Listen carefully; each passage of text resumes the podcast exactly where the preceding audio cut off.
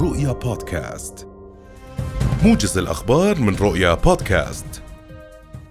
غادر جلالة الملك عبد الله الثاني أرض الوطن اليوم للمشاركة في الملتقى الاقتصادي بمدينة سانفالي الأمريكية ويلتقي جلالة الملك على هامش أعمال الملتقى رؤساء وممثلي عدد من كبريات الشركات في الولايات المتحدة والعالم لتسليط الضوء على رؤية التحديث الاقتصادي التي أطلقها الأردن أخيرا والفرص الاستثمارية المدرجة ضمن القطاعات الواعدة فيها. أعلن مصدر طبي في العقبة أن مجموع حالات الإصابات الموجودة في مستشفيات العقبة جراء حادثة سقوط صهريج الغاز في ميناء العقبة الذي وقع يوم أمس الأول. بلغ حتى صباح اليوم 57 حالة بينها ثمان حالات أجانب. المصدر أوضح أن أربع حالات تتواجد في أقسام العناية الحثيثة فيما تتراوح بقية الحالات بين المتوسطة والخفيفة ويتوقع أن يغادر عدد منها المستشفيات تباعا. نشرت وزارة التربية والتعليم تعليمات وإرشادات للطلبة المتقدمين لامتحانات الثانوية العامة التي ستبدأ يوم غد الخميس. وبحسب بيان للوزارة تضمنت التعليمات حضور الطلبة إلى قاعة الامتحان قبل نصف ساعة على الأقل من بدء الامتحان مصطحبين إثبات الشخصية يوميا. وشددت التعليمات والإرشادات التقيد بعدم إدخال أي أجهزة إلكترونية إلى قاعة الامتحان.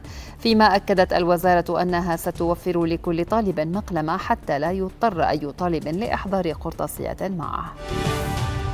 قال نقيب تجار الألبسة والأقمشة والأحذية سلطان علان إن نشاط القطاع أقل من المعتاد نسبة لهذا الوقت من العام مقارنة مع العام الماضي مشيرا إلى أن هنالك تراجعا كبيرا في مستوى المبيعات بنحو 50% مع أن البضائع متوفرة وأسعارها في متناول الجميع. علان طالب بضرورة الإسراع في وضع ضوابط للتجارة الإلكترونية في ظل ضعف الطلب على التجارة التقليدية بما يقلل تداعيات السلبية لوجودها وحجم العمالة فيها عفوا والإشغال العقاري لها ويحقق العدالة للطرفين. قال مدير مديرية التشغيل المركزي في وزارة العمل عون النهار إن الهدف من البرنامج الوطني للتشغيل الوصول إلى 60 ألف فرصة عمل في الأردن خلال العام الحالي. النهار أضاف في حديث لرؤيا اليوم أنه تم تسجيل أكثر من 27 ألف شاغر وظيفي في جميع محافظات المملكة. مبينا أن الرواتب لن تقل عن 260 دينارا وهو الحد الأدنى للأجور وتتفاوت الرواتب من حيث الوظيفة. استشهد فجر اليوم شاب فلسطيني متاثرا بجروح حرجة أصيب بها خلال مواجهات مع قوات الاحتلال الإسرائيلي التي اقتحمت الحي الشرقي في مدينة جنين.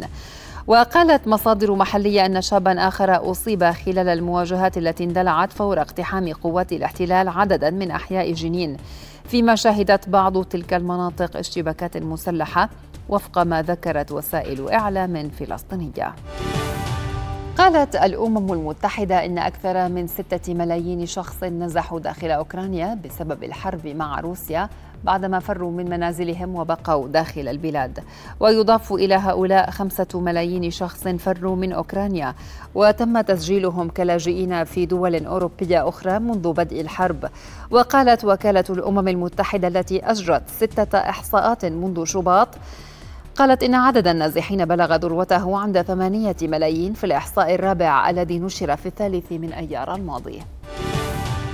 طالب رئيس الوزراء البريطاني بوريس جونسون الدول الأعضاء في حلف شمال الأطلسي المشاركين في القمة المقررة اليوم في العاصمة الإسبانية مدريد بزيادة نفقاتهم العسكرية.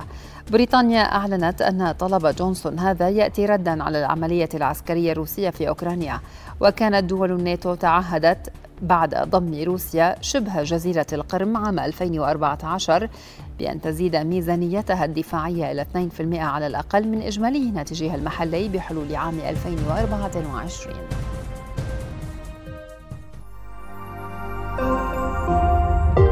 رؤيا بودكاست.